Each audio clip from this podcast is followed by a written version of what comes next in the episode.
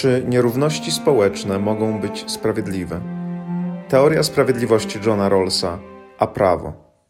Szanowni Państwo, dzisiaj będziemy mówili o sprawiedliwości. Jest to temat niemały. Y, w tym sensie niemały, że y, sprawiedliwości oczekuje się od prawa i sprawiedliwości oczekuje się od prawników.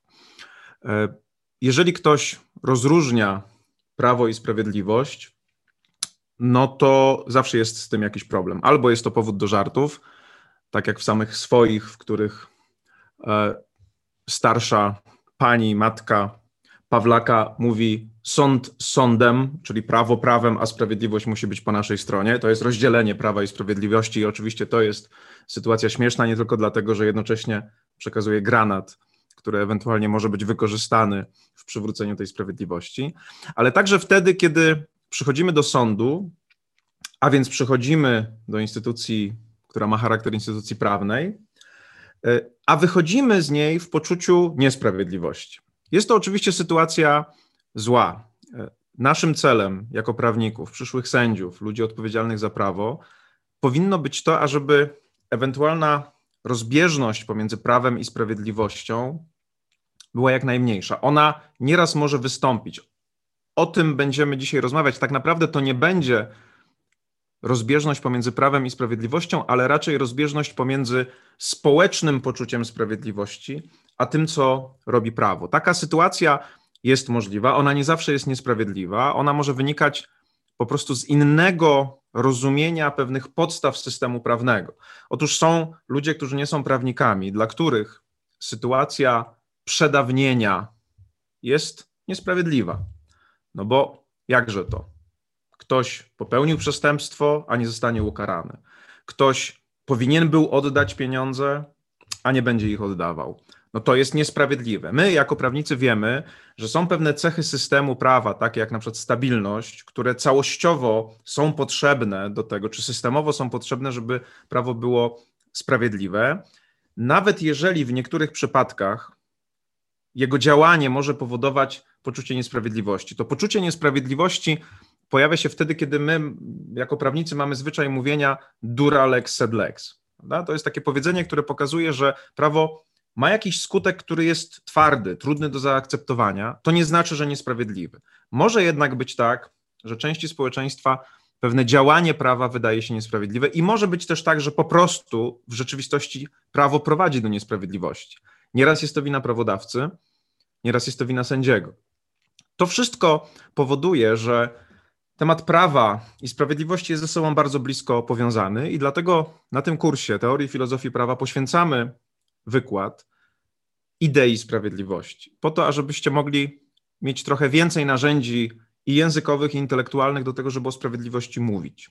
Oczywiście temat sprawiedliwości jest tak szeroki, że nie jesteśmy w stanie go mm, objąć całkowicie. Natomiast w tym wykładzie ja chcę przedstawić jedną bardzo ważną teorię sprawiedliwości, teorię sprawiedliwości Johna Rawlsa, która, jak mi się zdaje, jest ważna dla prawników. Zrozumienie tej filozoficznej teorii mówiącej o tym, w jaki sposób można w społeczeństwie ustalić, jakie zasady są sprawiedliwe, a jakie nie, a więc jakie prawo jest sprawiedliwe, a jakie nie, są, są dla prawników ważne. Dla mnie ta teoria była zawsze ważna i chciałbym dzisiaj ten wykład poświęcić jakby podzieleniu, podzieleniu się z wami y, tą, tą, tą teorią, po to, żebyście mogli też, tak jak mówię, mieć pewne narzędzie do myślenia o takich kwestiach jak sprawiedliwość, równość, także nierówność, czy nierówności społeczne, ponieważ to są kwestie, którymi prawnicy powinni się także zajmować i które powinni mieć na, e, na względzie.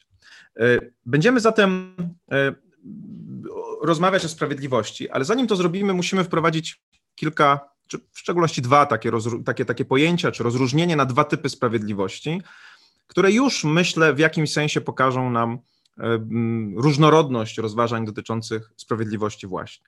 E, musimy rozróżnić dwa typy sprawiedliwości: sprawiedliwość dystrybuywną i sprawiedliwość retrybutywną. Dystrybuywną i retrybutywną.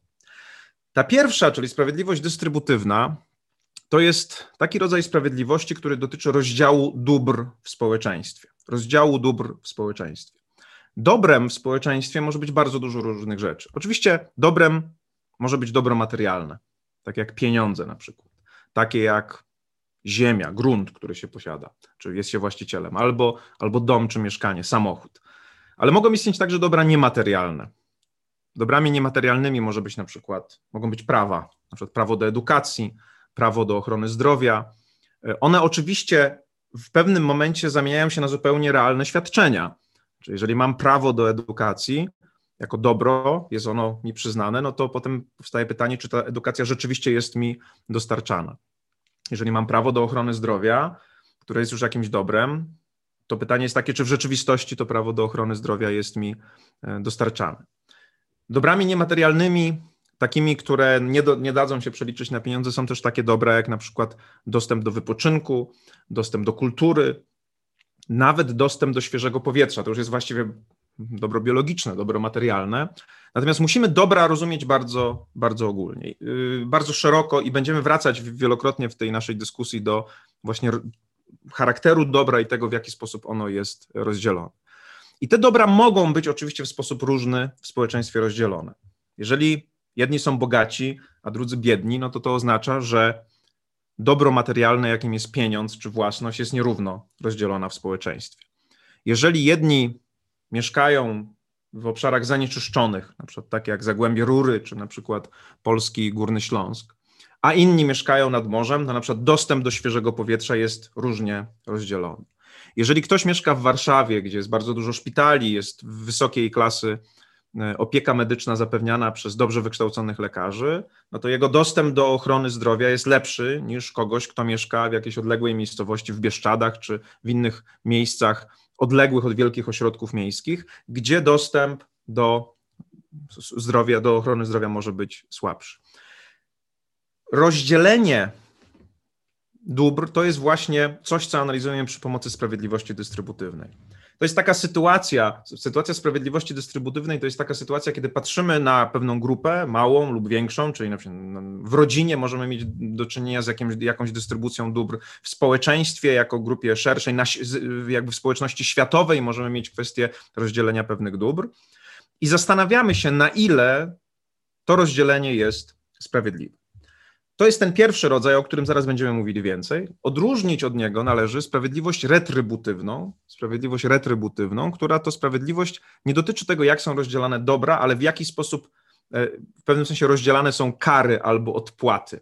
Czyli jeżeli na przykład ktoś wychodzi z sądu i mówi, sprawiedliwości stało się zadość, ponieważ zabójca czy złodziej został skazany, no to on nie ma na myśli rozdzielenia dóbr. On ma na myśli to, że kara była proporcjonalna. To znaczy, że dostał za swoje, że, że, że, że został ukarany w taki sposób, który w pewnym sensie jest sprawiedliwy. Więc sprawiedliwość retrybutywna jest bardziej sprawiedliwością, którą rozpatrujemy w kategoriach kary czy odpłaty.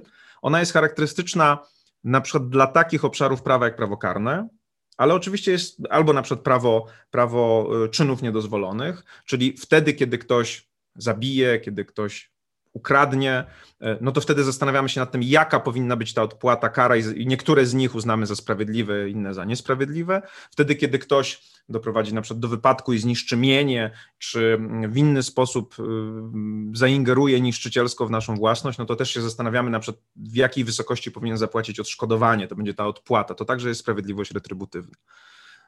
Zwróćcie uwagę, że oba typy sprawiedliwości właściwie opierają się na zdaniu, które można wypowiedzieć, kiedy oceniamy pewną sytuację, czyli na zdaniu to jest niesprawiedliwe. Często daję taki przykład, że jeżeli wyobrazicie sobie na przykład mm, dzieci w domu, rodzeństwo, no to sprawiedliwość dystrybutywna może być rozpatrywana w takiej sytuacji, w której mama rozdziela cukierki pomiędzy te dzieci, jest dwoje rodzeństwa, jeden dostaje cztery, drugi dostaje jeden cukierek. No wtedy jest jasne, że ten, który dostał ten jeden cukierek, powie, to jest niesprawiedliwe. To zdanie to jest niesprawiedliwe w tym przypadku rozdzielania cukierków dotyczy sprawiedliwości dystrybuywnej. Ten człowiek mały jest niezadowolony z tego, że pewne dobro, jakim są cukierki, słodycze, zostały nierówno rozdzielone. To nawet nie chodzi o to, że zostały nierówno rozdzielone, ale on nie rozumie, dlaczego zostały właśnie tak rozdzielone, że jedna osoba mała dostała cztery, a inna dostała jeden. E, mówi, to jest niesprawiedliwe, nie wie tego, ale mówi, to jest niesprawiedliwe dystrybutywnie, dlatego że ten rozdział został źle dokonany. Sprawiedliwość retrybutywna w tej sytuacji powstanie wtedy, kiedy jedno z, te, z tego rodzeństwa, e, już starsze na przykład, dostanie nakaz powrotu do domu, dajmy na to o godzinie 22, z imprezy, wróci z tej imprezy o godzinie 22.15, a rodzic powie, masz trzy miesiące szlabanu. No to wtedy jest oczywiste, że ten, powiedzmy już teraz nastolatek powie, to jest niesprawiedliwe. Użyje tego samego zdania, jak w przypadku cukierków, to jest niesprawiedliwe, ale tym razem będzie chodziło mu o niesprawiedliwość retrybutywną. Ta odpłata, ta kara, trzy miesiące za 15 minut spóźnienia jest zupełnie nie, nieproporcjonalna, a więc jest niesprawiedliwa. I tak jak powiedziałem, w społeczeństwie bardzo często za kwestię obu sprawiedliwości odpowiada prawo. To znaczy, za sprawiedliwość retrybutywną, już sobie powiedzieliśmy, odpowiada prawo karne, no bo ono zajmuje się kwestiami kary, odpłaty, czy prawo czynów niedozwolone wtedy, kiedy komuś się płaci odszkodowanie. Natomiast sprawiedliwością dystrybutywną zajmują się takie obszary prawa, które jakby dzielą pieniądze na przykład w społeczeństwie. No więc w sposób oczywisty na przykład prawo podatkowe jest takim prawem, które zajmuje się sprawiedliwością dystrybuywną, bo jak Robin Hood prawo podatkowe zabiera, najczęściej bogatym, i daje później biednym państwo, prawda, poprzez inne prawo, prawo takie jak na przykład prawo y, związane z opieką społeczną, czy prawo z, związane z innymi elementami dystrybucji y, dóbr prawo e, związane ze regulujące ubezpieczenia społeczne jest na pewno prawem dotyczącym sprawiedliwości dystrybuywnej. Ono także zabiera pewne pieniądze, które płacimy w formie składek i przekazuje e, gdzieś indziej. To, to, to jest to jest działalność, którą nazywamy redystrybucją, to znaczy odebranie jednym, przekazanie innym. E, to są te obszary prawa, czyli właśnie prawo podatkowe, prawo związane z ubezpieczeniami społecznymi, które dotyczy sprawiedliwości dystrybucyjnej. I teraz e, jeden i drugi obszar sprawiedliwości jest oczywiście ważny. Ten sprawiedliwość dystrybucyjna jest ważna wtedy, kiedy dyskutujemy o, o takich sprawach jak właśnie podział dóbr w społeczeństwie, kiedy powiedzmy podnoszą się głosy one najczęściej są formułowane z lewej strony sceny politycznej, że pewien system jest niesprawiedliwy dystrybuywnie, w tym sensie, że na przykład rozkład dóbr w społeczeństwie, takich jak pieniądz, jest nierówny, rozkład dóbr takich jak na przykład dostęp do pewnych zaszczytów, do pewnych pozycji, dobrych zawodów, takich jak na przykład zawód prawnika czy, czy, czy lekarza jest, jest nierówny. To są Y, zagadnienia, które, w których omawia się niesprawiedliwość dystrybuywną. Ktoś mówi, trzeba to zmienić, prawda? To nie może być tak, że 1% y, ludzi na świecie ma więcej pieniędzy niż pozostałe 99. No to jest twierdzenie z zakresu sprawiedliwości dystrybuywnej, a raczej niesprawiedliwości dystrybuywnej. I ktoś mówi, trzeba to inaczej podzielić, żeby było lepiej, sprawiedliwiej, więc trzeba dokonać redystrybucji. Sprawiedliwość retrybutywna pojawia się wtedy, kiedy na przykład państwo rozpoczyna politykę zaostrzania kar. Na przykład uważa, że właśnie pewne odpłaty, pewne, pewne kary są nieadekwatne i dlatego ludzie na przykład prawa nie przestrzegają. I wtedy tutaj z kolei bardzo często sprawiedliwością retrybutywną prawa strona sceny politycznej się zajmuje, kiedy e, często w komunikatach populistycznych mówi się o tym, że najlepszym sposobem zwalczania przestępstw jest zaostrzenie kar, czyli zwiększenie sprawiedliwości e, retrybutywnej. Sprawiedliwość retrybutywna to ważne, ma jeszcze jeden taki, można powiedzieć, kulturowo-mityczny charakter. To znaczy, ona jest bardzo głęboko osadzona w ludzkiej świadomości, nawet można powiedzieć w takiej jungowskiej podświadomości społecznej. Mianowicie od wieków uważano, że jeżeli w świecie wyrządza się pewne zło, to konieczność wymierzenia kary, czyli odkupienia, czy właśnie odpłaty, jest niezbędna do tego, żeby został zachowana, została zachowana pewna proporcja i pewien balans w świecie. Jeżeli będziecie kiedyś w rejonach mm, takich, w których są stare kościoły, e, dawno temu budowane, nieraz można tam odnaleźć takie krzyże, które są na murach kościoła wznoszone, które były wznoszone jako mm, takie, takie, takie odpłaty za przestępstwa. To znaczy nie dość, że przestępca był karany e, jakąś karą za zło, które wyrządził, to jeszcze, żeby przywrócić w pewnym sensie balans czy równowagę świata, musiał dokonać pewnego dobra. Jest bardzo głęboko osadzone w ludzkiej świadomości przekonanie, że jeżeli wyrządzone jest jakieś zło, to musi ono zostać naprawione. Jest ono także podstawą takich bardzo głębokich, więc wręcz plemiennych przekonań, które często są w systemach mafijnych współcześnie wykorzystywane, vendetty, prawda? Vendetta to nie jest tylko po prostu e, mm, złość czy niechęć do drugiej, to jest obowiązek moralny, który ma przywrócić porządek, porządek światu. Bardzo ciekawy temat. Dzisiaj akurat sprawiedliwości retrybutywnej nie będziemy omawiać, dlatego że teoria sprawiedliwości Johna Rawlsa, o której powiedziałem, skupia się na sprawiedliwości dystrybucyjnej retrybutywnej. I ona, wydaje mi się, dla nas jest najciekawsza. Sprawiedliwością retrybutywną, jak mówię, zajmuje się filozofia prawa karnego i, i ci z Was, którzy uczestniczą, którzy znają prawo karne, e, wiedzą o tym, że tamtemu poświęca się bardzo e, dużo uwagi, właśnie kwestii wymiaru kary, proporcjonalności i tak dalej. Więc my dzisiaj głównie zajmujemy się sprawiedliwością dystrybucyjną, czyli tym, jak są rozdzielone dobra w społeczeństwie. I naszym głównym bohaterem dzisiaj jest John Rawls, dwudziestowieczny filozof, wybitny filozof, e, który w roku 1971 opublikował książkę, która jest uważana za jedną z najważniejszych prac z zakresu filozofii, z zakresu filozofii politycznej, społecznej, e, a na pewno za jedną z najważniejszych prac dotyczących e, sprawiedliwości. I ta książka nazywa się Teoria Sprawiedliwości teoria sprawiedliwości.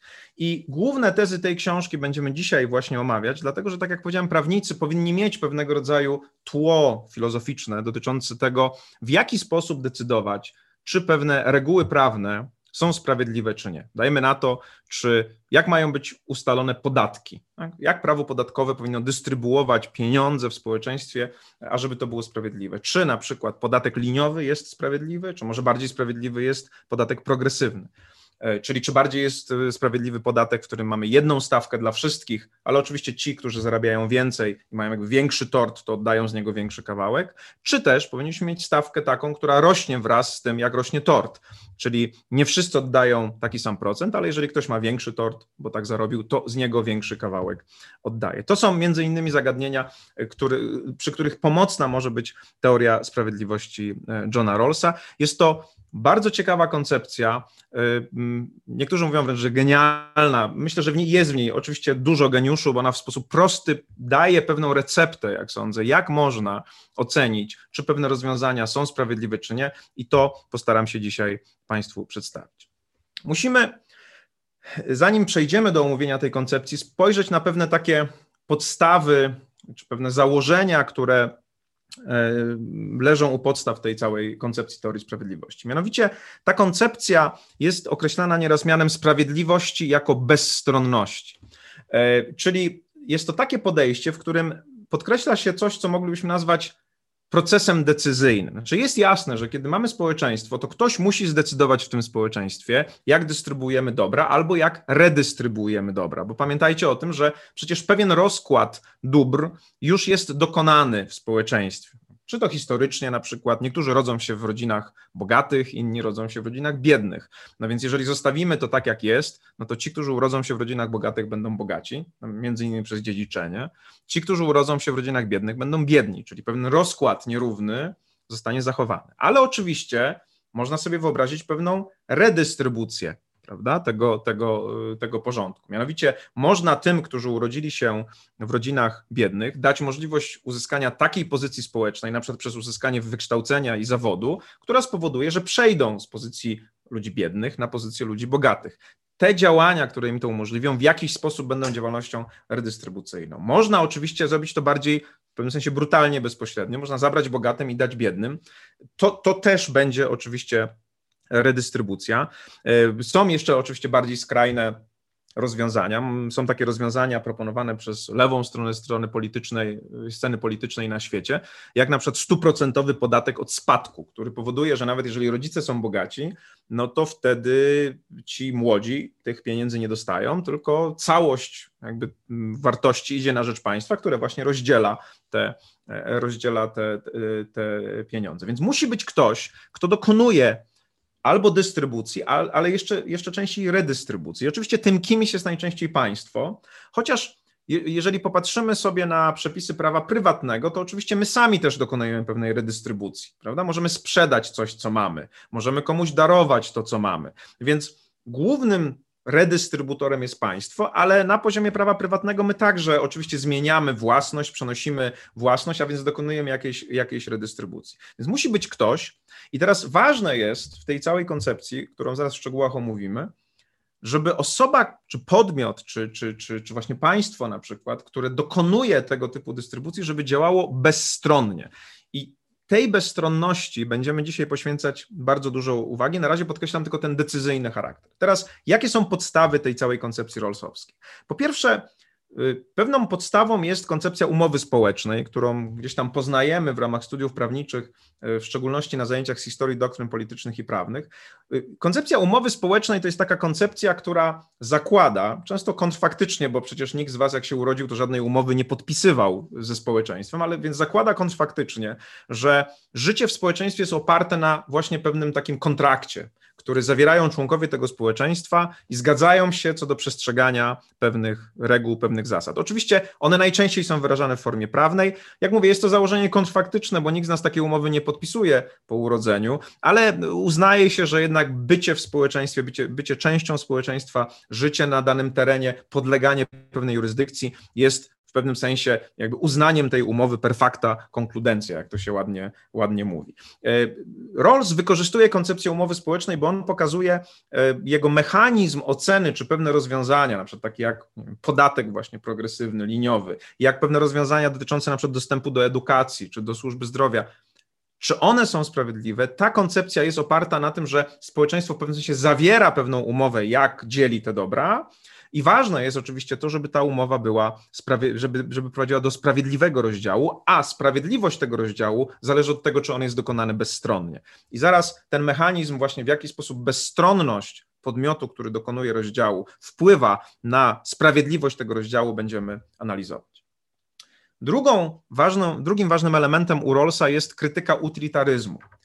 Czyli takiego podejścia do sprawiedliwości, które definiuje czy próbuje ocenić sprawiedliwość z perspektywy korzyści, jaką uzyskują członkowie społeczeństwa e, w, z, z jakiegoś działania. I teraz utylitaryzm może się wydawać na pierwszy rzut oka bardzo ciekawą koncepcją, no bo przecież o coż ma chodzić w społeczeństwie, jeżeli nie o to, żeby korzyść była maksymalizowana. Problem z utylitaryzmem jest taki, że on jest często nieludzki. To znaczy, można sobie wyobrazić na przykład takie sytuacje, i takie sytuacje są analizowane przez filozofów, w których społeczeństwo mogłoby skorzystać bardzo mocno ze skrajnej niesprawiedliwości, przynajmniej niesprawiedliwości w takim odczuciu intuicyjnym. Y, gdybyśmy zadali na przykład sobie pytanie dotyczące tego, czy y, w idei utylitaryzmu, czy warto byłoby zamordować jednego młodego człowieka, który ma fantastyczne organy, po to, żeby rozdzielić te jego organy i uratować pięć osób, no to wtedy z punktu widzenia utylitarystycznego moglibyśmy mieć pokusę, żeby stwierdzić tak, no ale to byłoby coś nie do pomyślenia, byłoby coś straszliwego. Dlatego, że ewidentnie byłaby to sytuacja, w której e, poświęcilibyśmy jedno życie, a uratowalibyśmy pięć. Ta sytuacja jest bardzo trudna do przyjęcia dla Rawlsa oczywiście. To jest jeden z punktów krytyki utilitaryzmu, który Rawls czerpie od Kanta. Zaraz powiemy jeszcze o tej inspiracji kantowskiej, ale myślę, że pamiętacie z ogólnego kursu z filozofii albo, albo z waszej ogólnej wiedzy, że Kant był przeciw, przeciwnikiem utylitaryzmu. Jego główne, główne twierdzenie dotyczące, czyli tak zwany imperatyw kategoryczny, w, jednym ze swoich, w jednej ze swoich wersji Y, y, między innymi mówi, że człowieka nigdy nie można używać jako środka, a zawsze trzeba go traktować jako cel. Sytuacja, w której byśmy właśnie poświęcili życie jednego człowieka, żeby uratować innych, byłoby ewidentnie zaprzeczeniem tego imperatywu, bo poświęcilibyśmy tego człowieka jako środek do jakiegoś, e, do jakiegoś celu. E, ponieważ Rawls jest w pewnym sensie kantystą, no to takie, takie podejście, które opiera się tylko i wyłącznie na maksymalizacji pewnych działań, jest dla niego oczywiście zupełnie nie do przyjęcia. Innym przykładem e, fiaska utilitaryzmu jest sytuacja taka, w której popatrzymy na przykład na ochronę zdrowia. E, kiedy popatrzymy na to, ile kosztuje opieka nad człowiekiem chorym na przestrzeni jego życia, to myślę, że jest jasne dla Was to, że 80-90% wydatków państwa na ochronę zdrowia konkretnej jednostki, konkretnego człowieka jest ponoszone wtedy, kiedy ten człowiek jest już stary. No bo to jest jasne, że wraz z, ze starzeniem się chorujemy, w związku z tym bardzo często jest tak, że ostatni rok życia, nawet kilka miesięcy życia, to jest ten moment, kiedy państwo w pewnym sensie najwięcej wydaje na opiekę konkretnego człowieka. No bo to jest kwestia jakichś poważnych operacji, to jest kwestia e, leczenia, nie wiem, na przykład e, chorób nowotworowych, przy których leki są niezwykle drogie. No i teraz moglibyśmy znowu ulec pokusie utylitaryzmu i powiedzieć tak, ale po co? Po co leczyć człowieka, który i tak za chwilę umrze? Prawda? Znowu zupełnie nieludzkie myślenie, utylitarne. Przecież lepiej by być może byłoby te pieniądze, które przeznaczamy, tak jak mówię, w ogromnych kwotach na leczenie ludzi starych przeznaczyć na profilaktykę albo na leczenie ludzi młodych, bo oni w sensie społecznym są bardziej użyteczni, będą jeszcze długo żyli, będą zarabiali, będzie, będzie z tego korzyść. To myślenie, znowu to nieludzkie myślenie takie utilitarne jest oczywiście bardzo dalekie tej koncepcji sprawiedliwości, w ogóle każdej koncepcji sprawiedliwości, o której myślimy. To są oczywiście pewne skrajne sytuacje. Utilitaryzm nie jest jako taki oczywiście zły. Trzeba brać pod uwagę e, pewne aspekty utylitarne. Zwróćcie uwagę, żeby odnieść się do współczesnego e, czasu, kiedy przygotowuje się program szczepień, no to bierze się pod uwagę pewne elementy utylitarne prawda? Na przykład fakt, że w pierwszej kolejności szczepi się lekarzy, no jest bardzo ważny w sensie takim, że po pierwsze to jest grupa najbardziej narażona, ale też najbardziej potrzebna do tego, żeby, żeby z pandemią sobie radzić. Y, ale później, tak jak mówię, inwestuje się w pierwszej kolejności y, pieniądze w szczepionki dla osób starszych, i tutaj już nie mamy myślenia utylitarnego, no bo ktoś mógł powiedzieć, nie, no lepiej za, zaszczepić młodych, bo oni są bardziej wartościowsi dla społeczeństwa. Ale to takie ekonomiczne myślenie o człowieku, nie jest bliskie idei sprawiedliwości, w szczególności tej idei sprawiedliwości. Więc zwracam uwagę na to, że, tak, że, że ta koncepcja ma w sobie ten taki kantowski element myślenia o człowieku jako o celu i odżegnuje się od takich właśnie nieludzkich, skrajnych konsekwencji utylitaryzmu. To też jest ważna rzecz. I wreszcie jest podstawą tej koncepcji myślenie liberalne. E, więc to jest bardzo ciekawe, że jest to koncepcja, która jakby wywodzi się z pewnej myśli liberalnej. To, kiedy mówimy o sprawiedliwości, w szczególności o sprawiedliwości społecznej, tak jakby naturalnie przychodzi nam do głowy myślenie lewicowe, no bo, no bo no to jest takie myślenie, które obejmuje dużą troską dystrybucję dóbr, prawda, równość w zakresie tej dystrybucji. E, stare powiedzenie, że kto za młodu nie był komunistą, ten na starość zostanie łajdakiem, jest w pewnym sensie prawdziwe, dlatego że jeżeli ktoś jest na tyle nieczuły, żeby w ogóle nie działał na niego w żaden sposób ten, ten problem nierówności, no to prawdopodobnie tym łajdakiem zostanie. Najczęściej jest tak, że ktoś, kto jest komunistą za młodo, później ewoluuje i jest kimś innym, ale to powiedzenie, że pewna troska, pewna wrażliwość na nierówność jest początkiem pewnego dobrego myślenia jest oczywiście ważna. Więc my naj, bardzo często kwestie sprawiedliwości, sprawiedliwości społecznej łączymy być może z myśleniem lewicowym, a tutaj mamy propozycję liberalną w tym sensie, że ona zakłada, że jednostka jest ważna, jej sytuacja jest ważna, y, pewnego rodzaju wykorzystanie naturalnych zdolności jednostek także y, jest ważne. Jak zaraz zobaczycie, już w samym sercu tej koncepcji, tam dużo uwagi Rawls poświęca temu, żeby na przykład nie przez wyrównanie wszystkiego, co jest możliwe do wyrównania, nie niszczyć pewnego rodzaju innowacji, pewnego rodzaju innowacyjności myślenia, na przykład szczególnie uzdolnionych jednostek. My mamy nieraz, nie wiem, czy to jest pozostałość komunizmu w Polsce, czy w ogóle jakiegoś takiego homo sovieticus, czy, czy jakiegoś innego myślenia, ale istnieje u nas takie myślenie, że lepiej, żeby wszyscy mieli źle, niż żeby ktoś miał lepiej. Spotkałem się z tym kiedyś, było dla mnie dosyć niezrozumiałe, ale być może jest to dla niektórych ludzi yy, zrozumiałe, z oporem wobec tego, ażeby w przedszkolach publicznych były dodatkowe lekcje języka angielskiego. Tak? Z oporem przeciwko dodatkowym lekcjom języka angielskiego. Jakie jest uzasadnienie? No, że to jest nierówność, no bo tylko niektórych rodziców stać na te lekcje, w związku z tym y, no, innym dzieciom jest przykro, czy, czy inni rodzice czują pewną frustrację, że ich na te lekcje nie stać, więc lepiej, żeby nie było ich w ogóle nie oceniam tego. To są jakby za i przeciw pewne argumenty, prawda? Ktoś może powiedzieć, no ale chyba lepiej, żeby w ogóle, jeżeli jakieś dzieci mogą się uczyć, no żeby się uczyły. Ktoś inny może powiedzieć, no nie, no ale może ten, ten presja społeczna, czy, czy pewnego rodzaju problem, frustracji jest tutaj zbyt duży. Być może to jest nawet jakieś cierpienie, prawda, związane z tym, że ja nie mogę, a ktoś, a ktoś, Zosia nie może, a Basia może, prawda?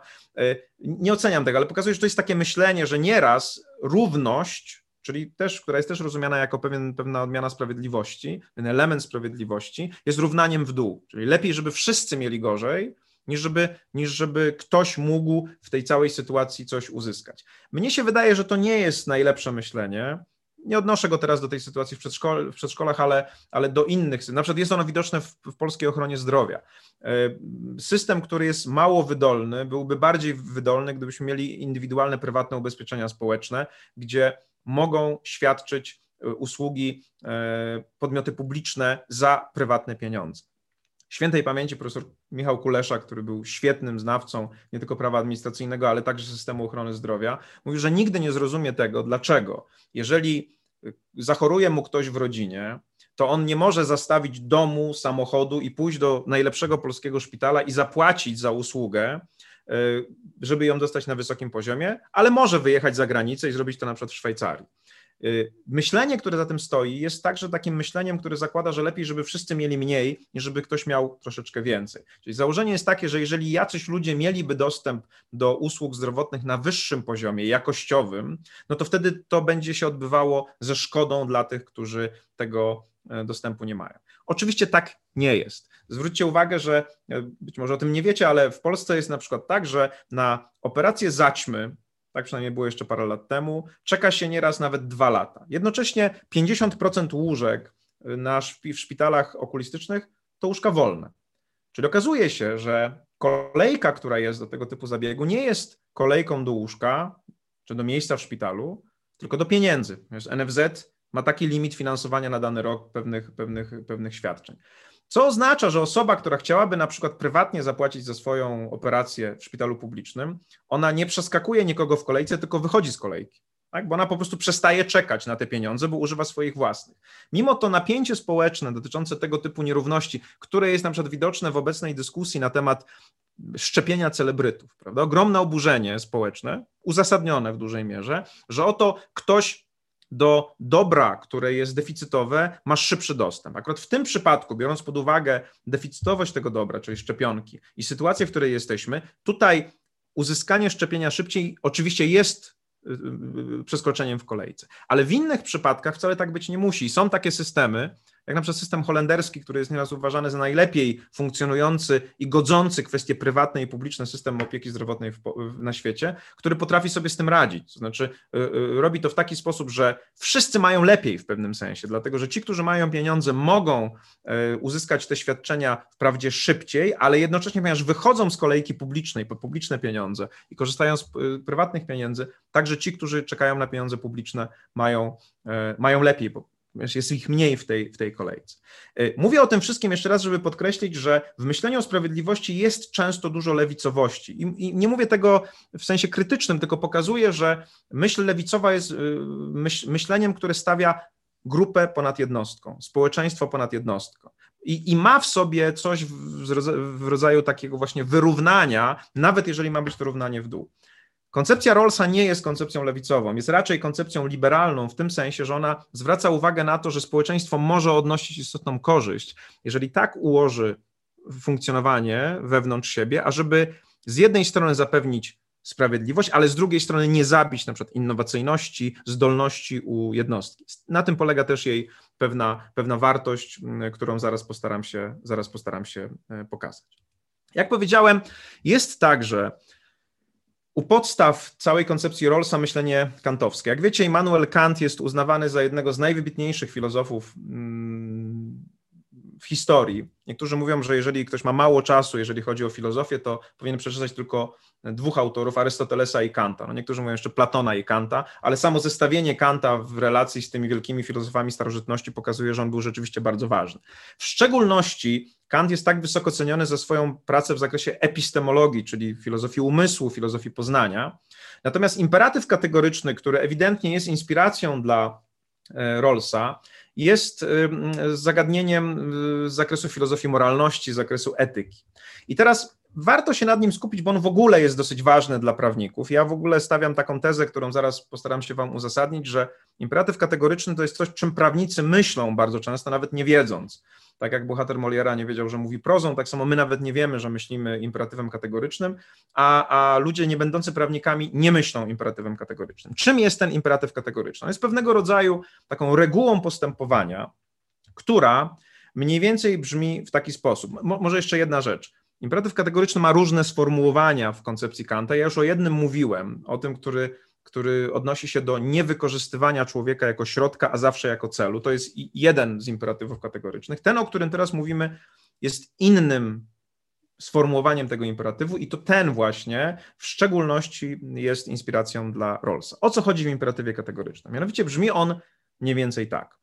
Działaj tylko według takiej maksymy, co do której jednocześnie byś chciał, ażeby stała się powszechnie obowiązującą zasadą czy powszechnie obowiązującym prawem. Rozbierzmy to na czynniki pierwsze. Co to znaczy? Działaj tylko według takiej maksymy. Słowo maksyma u Kanta odnosi się do tak zwanej subiektywnej reguły postępowania. Subiektywna reguła postępowania to jest taka reguła, którą my sobie sami tworzymy, do której sami dochodzimy, albo sami sobie wybieramy ją jako pewnego rodzaju sposób działania. No, możemy na przykład sobie wyobrazić, że chcemy schudnąć, prawda? No w związku z tym przyjmujemy pewną zasadę, która mówi, że będę y, jadł mniej tłuszczów na przykład, albo ktoś inny przyjmuje sobie zasadę, będę jadł mniej węglowodanów, prawda? Jeszcze inny mówi, będę pił więcej wody, ktoś inny mówi, będę więcej biegał, prawda? To są pewne subiektywne maksymy. Oczywiście każda z nich różnie się y, ustosunkowuje do, do, do, do celu, który może być określony, ale każda z nich jest jakby przyjęta indywidualnie. Ktoś może na przykład przyjąć sobie e, taką zasadę, że do egzaminu z teorii filozofii prawa będzie się uczył na dwa dni przed, przed, przed egzaminem, a ktoś może przyjąć, że będzie uczył się od samego początku e, semestru. To są pewne indywidualne decyzje, przyjęcie pewnego, pewnych subiektywnych zasad postępowania. One w tym sensie są subiektywne, że jakby nie przetestowane jeszcze co do swojej sensowności. Niektóre z nich mogą być sensowne, niektóre nie muszą być sensowne. I teraz imperatyw kategoryczny jest w pewnym sensie takim testem, ażeby sprawdzić, czy ta zasada, według której ja sobie subiektywnie postępuję, jest sensowną zasadą.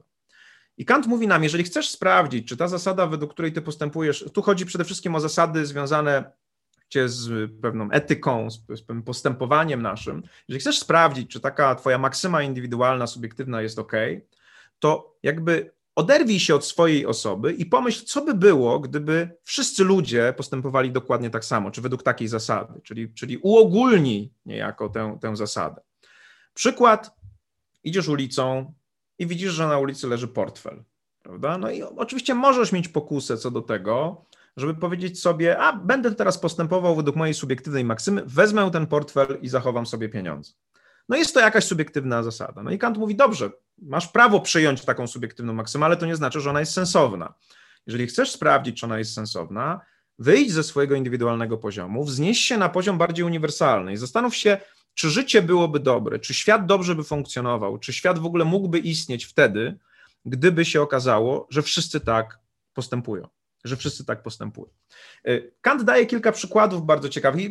Powiedzmy, w tej sytuacji portfela moglibyśmy e, powiedzieć sobie wtedy, no, no, no być może to nie byłoby dobre, do, dobra sytuacja. Tak? To nie byłaby dobra sytuacja, dlatego że powodowałaby e, jakoś zupełnie randomową dystrybucję dóbr, może dlatego, że powodowałaby pewne cierpienie wśród tych ludzi, którzy, którzy utracili te pieniądze. Ale Kant daje więcej tych przykładów, które pokazują trochę lepiej, może nawet niż ten przykład z tym portfelem, jak działa imperatyw kategoryczny. Mówi na przykład Kant, Kant podaje przykład mm, bliski sercu prawnikom, czyli pożyczki.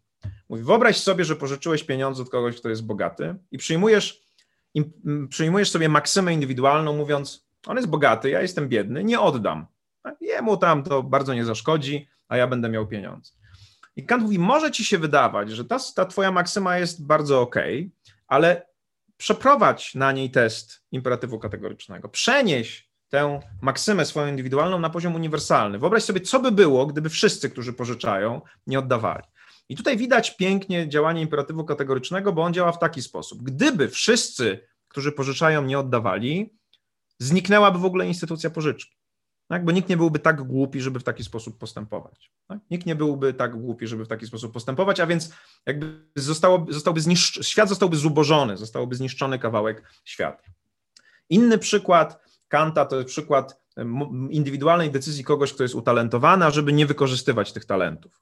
Tak, kogoś, kto jest po prostu leniwy.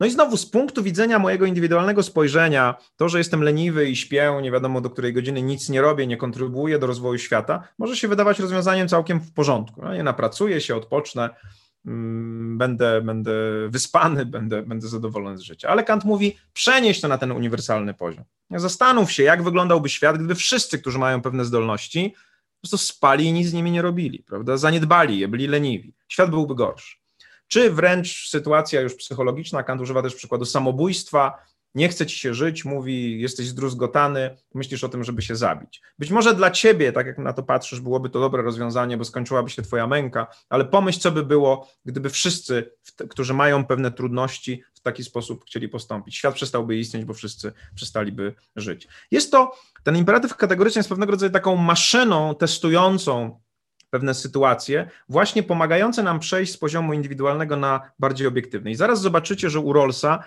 mamy do czynienia z bardzo podobną maszynką, która właśnie mówi, jeżeli chcesz ocenić, czy jakiś, jak, jakaś sprawiedliwość, jakaś reguła rozdziału dóbr jest sprawiedliwa, to nie myśl o niej w kategoriach indywidualnych, subiektywnych, tylko przejść na poziom obiektywny. Ale chcę przy tej okazji powiedzieć jeszcze o jednej rzeczy. Mianowicie yy, wspomniałem o tym, że prawnicy myślą bardzo często kategorią imperatywu kategorycznego, a nie prawnicy nie. O co mi chodzi? Mianowicie prawnicy w pewnym sensie są trenowani do tego, żeby myśleć o sytuacjach społecznych systemowo. To jest w tym sensie myślą o pewnym skutku całościowym dla społeczeństwa pewnych decyzji. Ludzie, którzy nie są prawnikami, mają coraz częściej tendencję, żeby myśleć o sprawiedliwości i prawie w kategoriach indywidualnych, a nie systemowych. O tym pisze innymi Jacek Dukaj w takim swoim eseju po piśmie. Jak wiecie, Dukaj jest pisarzem science fiction, który pisze książki, e, pisze powieści, ale napisał świetną książkę, która jest książką z zakresu non-fiction, która pokazuje, że nam społeczeństwo się zmienia. Że społeczeństwo się zmienia w taki sposób, że ludzie coraz mniej wierzą w ogólne systemowe zasady, z różnych powodów, nie mamy dzisiaj czasu, żeby w to wchodzić, a coraz bardziej identyfikują się z indywidualnym człowiekiem, z jego cierpieniem, z jego radością. Jak mówi Dukaj, mniej myślimy kategoriami logosu, pewnych zasad ogólnych, prawo jest kwintesencją zasad ogólnych, bardziej wczuwamy się empatycznie w indywidualną sytuację konkretnej, konkretnej osoby. To wynika między innymi z tego, że na przykład mniej komunikujemy się słowem, bardziej komunikujemy się obrazem i sytuacją. Mm, nie wiem, więcej zdjęć oglądamy, y, mamy bezpośredni dostęp do pewnych przeżyć. Y, przykład łatwiej jest nam myśleć na przykład o problemie uchodźczym, wtedy, kiedy i go zrozumieć, wtedy, kiedy zobaczymy jedno zdjęcie. A jak wiadomo, zdjęcie, obraz jest wa wart więcej niż tysiąc słów. Kiedy zobaczymy tego biednego tureckiego chłopczyka w czerwonej koszulce, który leży martwy, bo utonął e, w morzu, kiedy jego rodzice próbowali się przedostać, e, ażeby, ażeby, ażeby dostać się do Europy, wtedy jakby szybciej, bardziej, więcej rozumiemy, wydaje nam się, na temat całego problemu uchodźców, bo jesteśmy w stanie się utożsamić z tą rodziną, z ich cierpieniem, z tą konkretną sytuacją. Mniej będziemy rozumieli wtedy, kiedy będziemy zastanawiali się nad regułami Unii Europejskiej dotyczącej, dotyczących y, polityki uchodźczej. To są jakieś abstrakcyjne reguły, tutaj mamy konkretne życie. Podobnie w prawie łatwiej jest nam się utożsamić z konkretną sytuacją niż z bezdusznością systemu. Prawnicy bardzo często są traktowani jako bezduszni nie dlatego, że naprawdę tacy są, tylko że bardziej zwracają uwagę na skutki systemowe niż na skutki, na, na sytuację konkretnego człowieka. Już kiedyś opowiadałem tę historię przy innej okazji po jednym z wykładów takich publicznych, to było w jakimś urzędzie, e, mm, zaczepił mnie portier, który zamykał tę salę, mówiąc, że, że moja pogadanka dotycząca właśnie prawa, sprawiedliwości, konstytucji, praworządności go nie przekonuje, że on uważa, że generalnie prawo jest bezduszne, że ono niewłaściwie działa. Ja wtedy w tej rozmowie, która była bardzo ciekawa, zadałem w pewnym momencie takie pytanie, które nawet nieświadomie zbudowałem na konstrukcji imperatywu kategorycznego Kanta. Zadałem pytanie dotyczące tego, czy on jako sędzia wskazałby ojca, który mając chorą córkę włamał się do apteki, żeby ukraść leki, dlatego że nie miał pieniędzy, ażeby te leki kupić. I on oczywiście powiedział, nie, nie, w żadnym wypadku, to jest usprawiedliwiona sytuacja nie mówił tego, ale pewnie jest ona usprawiedliwiona, bo to jest bardzo konkretna, indywidualna sytuacja, z którą ten człowiek potrafi się utożsamić, być może sam jest ojcem i wie, że ojciec zrobiłby wszystko, żeby uratować swoje dziecko. Więc tutaj myśli, tak jak mówi Dukaj, ten człowiek indywidualnym przypadkiem. No dobrze, mówię, ale gdyby, czy zgodziłby się pan z twierdzeniem, że wszyscy, którzy są w potrzebie, poważnej potrzebie, mogliby się włamywać do różnego rodzaju punktów detalicznych i brać rzeczy, które dla nich, które są im potrzebne. I wtedy ten człowiek mówi, nie, no oczywiście nie, to byłaby sytuacja nie do zaakceptowania. No i teraz na tym polega właśnie problem, że kiedy to pytanie zadajemy indywidualnie w, w, w odniesieniu do konkretnej osoby, konkretnego życia, konkretnych emocji, to myślimy trochę innymi kategoriami, bo myślimy trochę kategoriami subiektywnymi. Natomiast prawnik musi skazać w jakimś sensie, czy sędzia musi skazać tego ojca, który włamał się do tej apteki. Oczywiście tam będą pewne, e, pewne przesłanki, prawda, e, natury takiej właśnie moralnej, które są rozpoznawane przez prawo karne, wzięte pod uwagę, ale no nie można powiedzieć, że to jest dobre działanie, dlatego że ono jest dobro, dobre moralnie. Sędzia go musi w jakiś sposób ukarać, bo myśli nie tym subiektywnym poziomem, tylko tym ogólnym poziomem. I zwracam Waszą uwagę na to, że dużo konfliktów pomiędzy prawnikami a społeczeństwem współcześnie polega na tym, że my, my, myślimy o sprawiedliwości trochę na różnych poziomach. To znaczy, sprawiedliwość indywidualna, subiektywna to jest domena myślenia, że tak powiem, normalnego człowieka. Sprawiedliwość systemowa to jest kategoria myślenia prawnika. Teraz my musimy znowu wykonać pewien wysiłek w stosunku do społeczeństwa, żeby pokazać, że pewne rzeczy muszą działać w sposób systemowy. Na przykład, nawet jak ktoś ma rację, ale spóźni się z apelacją, to musi przegrać, dlatego że jeżeli tak nie będzie, to cały system upadnie, bo postępowania sądowe będą się toczyły nie wiadomo jak długo. Jeżeli, jeżeli nie będzie przedawnienia, no to wtedy niestabilność porządku prawnego będzie sytuacją która będzie nie do zaakceptowania i znowu zagrozi całemu systemowi. Zwróćcie uwagę, że bardzo to jest ciekawe, że podobna sytuacja myślenia i konfliktu jest widoczna w, w sporze o szczepienia. Lekarze myślą systemowo. Lekarze mówią tak, może zdarzyć się tak, że w indywidualnym przypadku po szczepionce będą powikłania. Ale systemowo, całościowo szczepionki są dobrym rozwiązaniem, dlatego że chronią całościowo społeczeństwo. A ktoś, kto jest antyszczepionkowcem, powie: Mam w nosie to, że to działa systemowo, bo być może mnie dotknie, właśnie moje dziecko na przykład dotknie ta indywidualna sytuacja, ta konkretna sytuacja. Ja nie mówię tego po to, żeby usprawiedliwiać to działanie, bo uważam, że nie ma usprawiedliwienia dla działania antyszczepionkowego, ale żeby zrozumieć ten proces, dobrze wykorzystać ten, ten przykład. Ludzie coraz częściej myślą kategoriami indywidualnymi, emocjami, konkretną sytuacją. Zwróćcie uwagę, jak mamy na przykład, nawet polityka populistyczna niektórych rządów opiera się na tym, nie mówią o tym, że system jako y, cały działa dobrze, nie mówią o szybko rozstrzygniętych sprawach, o sprawiedliwie rozstrzygniętych sprawach. Tak jak antyszczepionkowcy nie mówią o sytuacjach, kiedy szczepionki uratowały życie, u, u, nie doprowadzały do choroby czy wyeliminowały choroby zwracają uwagę na szczegóły, na konkretne sytuacje, gdzie system nie zadziałał, gdzie sędzia zapomniał, niewłaściwie się zachował, skazał, yy, na przykład, nie wiem, sprawa yy, Tomasza Komendy, prawda? No jest to dramatyczna sprawa. Yy, I dla wielu ludzi jest to przykład tego, że cały system nie działa. No nie, no, system działa. Tak? To nie jest tak, że jest 99 mm, takich procent jak, spraw jak ta.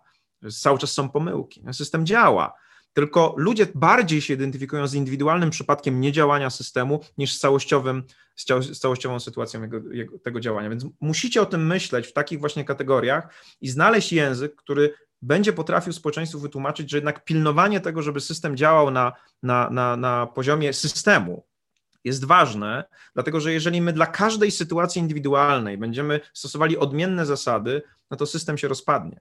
Tak, jeżeli z powodu ryzyka powikłania w jakiejś indywidualnej sprawie zrezygnujemy z systemu, to system się rozpadnie. To, to jest ważna rzecz, którą chciałbym, żebyście, żebyście mieli w głowie i w sercu.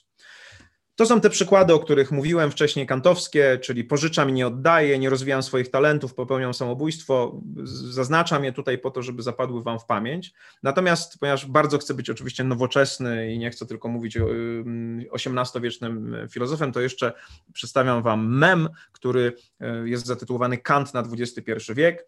E, który łatwiej formułuje koncepcję imperatywu kategorycznego, ale oczywiście w prześmiewczy trochę sposób, mówi działaj wyłącznie według takiej maksymy, co do której byś chciał, ażeby, mm, ażeby, ażeby jednocześnie to, co robisz, było widoczne powszechnie online. Oczywiście no jest to niby żart, może słabe, ale to też pokazuje pewna, pewną technikę myślenia. Tak? Jeżeli działam samodzielnie, indywidualnie, w zaciszu swojego pokoju, no to moja ocena moich zachowań może być różna, subiektywna, natomiast jeżeli wyobrażę sobie, że wszyscy to widzą, no to wtedy wiem na przykład, że robię źle, prawda? Więc tutaj też jest przejście z poziomu indywidualnego na poziom ogólny. Może jeszcze jedna uwaga dotycząca imperatywu kategorycznego, mianowicie możecie dostać na egzaminie podchwytliwe pytanie, e, czym się różni imperatyw kategoryczny od prostego, prostej maksymy nie czyń drugiemu, co tobie niemiłe. Oczywiście odpowiedź na to pytanie jest, opiera się na tym przejściu z poziomu indywidualnego na uniwersalny. Nie czyń drugiemu, co tobie niemiłe, dalej pozostaje jednak na poziomie pewnej oceny indywidualnej. Tak? To sformułowanie zastosowane na przykład przez masochistę może prowadzić do bardzo niedobrych skutków, prawda? Bo jeżeli akurat dla masochisty cierpienie jest miłe, no więc maksyma nie czyń drugiemu, co tobie niemiłe, nie wyklucza cierpienia, które może być wywierane w stosunku do innej osoby, bo akurat to cierpienie dla masochisty jest miłe. No w związku z tym ten indywidualny poziom dwóch osób, czy mojej preferencji indywidualnej nie jest dobrym testem dla tego, czy moje działanie jest sensowne, czy nie. Natomiast jeżeli zadamy pytanie, czy zadawanie cierpienia, jakby jako powszechne, powszechna zasada, mogłaby w społeczeństwie funkcjonować, no to wtedy musimy odpowiedzieć nie. Żeby też była jasność, imperatyw kategoryczny nie jest bez wad. Jest mnóstwo krytyki dotyczącej tego, że być może inne sformułowanie językowe, maksymy może już prowadzić do innych skutków. Nie mamy czasu dzisiaj w to wchodzić, zresztą no, nie jesteśmy filozofami, jesteśmy prawnikami i sięgamy do tej koncepcji tylko po to, czy aż po to, żeby po pierwsze zrozumieć trochę lepiej Rollsa, do którego właśnie teraz przechodzimy, a po drugie, żeby zauważyć różnicę pomiędzy myśleniem prawnika i nieprawnika. Prawnika, który myśli systemem, czyli tym poziomem uniwersalnym, uogólnionym, i nieprawnika, który bardzo często myśli maksymą subiektywną, konkretną sytuacją konkretnego człowieka, konkretnego cierpienia.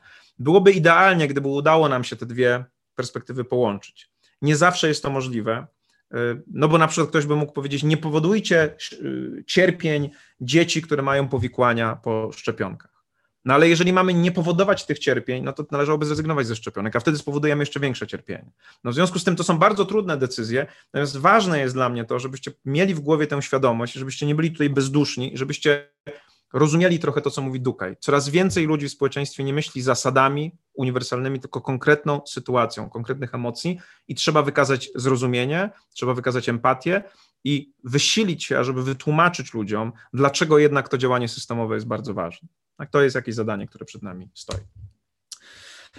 I teraz przechodzimy już do sedna dzisiejszego wykładu, czyli do y, koncepcji Rollsa. Więc koncepcja Rollsa, jak powiedziałem, jest pewnego rodzaju także maszynką, pewnym testem po to, ażeby ocenić, czy rzeczywiste zasady dystrybucji dóbr, bo jak mówię, jest to koncepcja sprawiedliwości dystrybutywnej dotyczącej rozdziału dóbr w społeczeństwie, czy rzeczywiste zasady funkcjonujące w jakimś społeczeństwie są sprawiedliwe. Więc jest to koncepcja, która jest pewnego rodzaju intelektualnym eksperymentem, tak jak imperatyw kategoryczny jest intelektualnym eksperymentem. Tak, zastanawiamy się, co by było, gdyby indywidualna maksyma stała się powszechnie obowiązującym prawem. Tak samo tu, jak zaraz zobaczycie, próbujemy przejść z poziomu indywidualnego na pewien poziom ogólny. To oznacza, że pewne założenia e, rolsowskie są właśnie takimi założeniami eksperymentu. Y, one nie są realistyczne, zaraz zobaczycie. One są pewnego rodzaju ćwiczeniem intelektualnym, które pozwala oceniać, czy konkretne zasady dystrybucji dóbr w społeczeństwie są sprawiedliwe, czy niesprawiedliwe. Na czym polega ten eksperyment intelektualny? Są w nim dwa główne pojęcia. Pierwsze pojęcie to sytuacja pierwotna, a drugie pojęcie to zasłona e, niewiedzy. Co to jest sytuacja pierwotna? Mianowicie Rawls mówi tak, jeżeli chcecie się zastanowić nad tym, czy jakieś reguły w, jakim, w waszym społeczeństwie, rozdziału dóbr, czy na przykład, nie wiem, reguły prawa podatkowego, e, e, reguły związane, dajmy na to, z programem 500, E, bo to też jest jakaś dystrybucja, redystrybucja dóbr. Trzy zasady dostępu do takich dóbr jak edukacja, czyli na przykład w Polsce obowiązek, a więc absolutnie równe dla każdego taki sam, taki sam dostęp do edukacji na poziomie, e, na poziomie podstawowym, inny poziom, inny dostęp na poziomie wyższym, prawda? Jest jasne, że na poziomie wyższym nie wszyscy mają dostęp. Każdy ma prawo, ale nie każdy ma dostęp realny. To nie jest tak, że wszyscy wasi koledzy ze szkoły podstawowej są obecnie studentami. Na pewno nie wszyscy są studentami prawa czy medycyny, czyli takich na przykład obszarów czy takich kierunków, które są najbardziej e, oblegane. Jak sprawdzić, czy te reguły są sprawiedliwe? Rawls mówi tak: wyobraźcie sobie taką sytuację hipotetyczną, sytuację pierwotną, a więc sytuację sprzed ustanowienia społeczeństwa. To jest ewidentne odniesienie do koncepcji umowy społecznej. Rawls mówi tak, weźcie na przykład społeczeństwo polskie z roku 2021, w którym obowiązują pewne zasady dystrybucji dóbr, podatki, yy, yy, ubezpieczenia społeczne, czy właśnie kwestie związane z ochroną zdrowia, przenieście ich w taką hipotetyczną sytuację sprzed ustanowienia tego, tego społeczeństwa yy, i każcie im w tej sytuacji wybierać zasady, które określą, jak to mówi Rawls, podstawową strukturę społeczeństwa, w którym oni mają żyć. Czyli wyobraźcie sobie, że właśnie ich bierzecie stąd i stawiacie ich w momencie, kiedy jeszcze zasady nie obowiązują, i zadajecie sobie pytanie, czy oni taką zasadę by przyjęli. Tak? Na tym polega hipotetyczność tej sytuacji. Ona nie miała miejsca nigdy. Znowu złośliwe pytanie na egzaminie z filozofii prawa mogłoby właśnie polegać na tym, że ktoś by zapytał, kiedy dla społeczeństwa e, II Rzeczpospolitej nastąpiła, wystąpiła sytuacja pierwotna. Prawidłowa odpowiedź jest nie wystąpiła, ponieważ jest to sytuacja hipotetyczna. To nie jest sytuacja, która miała miejsce przed momentem uchwalenia jakiejś konstytucji. Nie. To jest hipotetyczna sytuacja, eksperyment myślowy. Wyobraź sobie, że społeczeństwo ma dopiero ustanowić pewne zasady. To jest sytuacja pierwotna, to jest to pierwsze pojęcie, który, o którym mówi Rawls. Jeżeli chcesz sprawdzić, czy jakaś zasada jest sprawiedliwa, przenieś społeczeństwo do tego momentu przed. Druga, ważniejsza w pewnym sensie, ważniejsze pojęcie tej koncepcji to zasłona niewiedzy. Ona jest bardzo kontrowersyjna, ale generalnie polega na tym, że Rawls mówi, nie dość, że przenosisz to społeczeństwo do momentu sprzed ustanowienia reguł, to jeszcze spuszczasz zasłonę niewiedzy, to jakby zasłaniasz im oczy w pewnym sensie na ich przyszłą rolę w tym społeczeństwie. I jak widzicie na tym tutaj cytacie z pracy Rawlsa, zasłona niewiedzy powoduje, że nikt nie zna swojego miejsca w, społeczeństwie, tego, jakie będzie zajmował. Czyli na przykład nie zna tego, do jakiej klasy będzie należał, jaki będzie jego status społeczny, nie wie, czy będzie y, szczęśliwcem, jeżeli chodzi o dystrybucję takich naturalnych dóbr, jak zdrowie, jak zdolność, czy też będzie miał je na niski, niskim poziomie. Na przykład nie wie, czy będzie inteligentny, czy będzie nieinteligentny, czy będzie stary, czy młody, czy będzie piękny, czy brzydki będzie silny czy słaby. Oczywiście, po co jest ta zasłona niewiedzy? To jest ten element, który ma spowodować, żeby ludzie nie myśleli w kategoriach indywidualnych, subiektywnych. Y, no bo jest dosyć oczywiste, że jeżeli ja wezmę to społeczeństwo do sytuacji pierwotnej w tym moim eksperymencie myślowym, ale mężczyźni będą wiedzieli, że są mężczyznami, kobiety będą wiedziały, y, wiedziały, że są kobietami w tym społeczeństwie, biedni będą wiedzieli, że są biedni, bogaci, że są bogaci, no to pewnego rodzaju uprzedzenie co do zasad będzie widoczne. Tak? Każda z tych osób może ciągnąć w swoją stronę w pewnym sensie te zasady i mówić, no ja jestem bogaty, no więc chcę, żeby była sytuacja dobra dla bogatych, ja jestem biedny, chcę, żeby sytuacja była dobra dla biednych. Więc zasłona niewiedzy powoduje jakby wyrównanie takie epistemologiczne. No, ona mówi, nikt nie wie, kim będzie.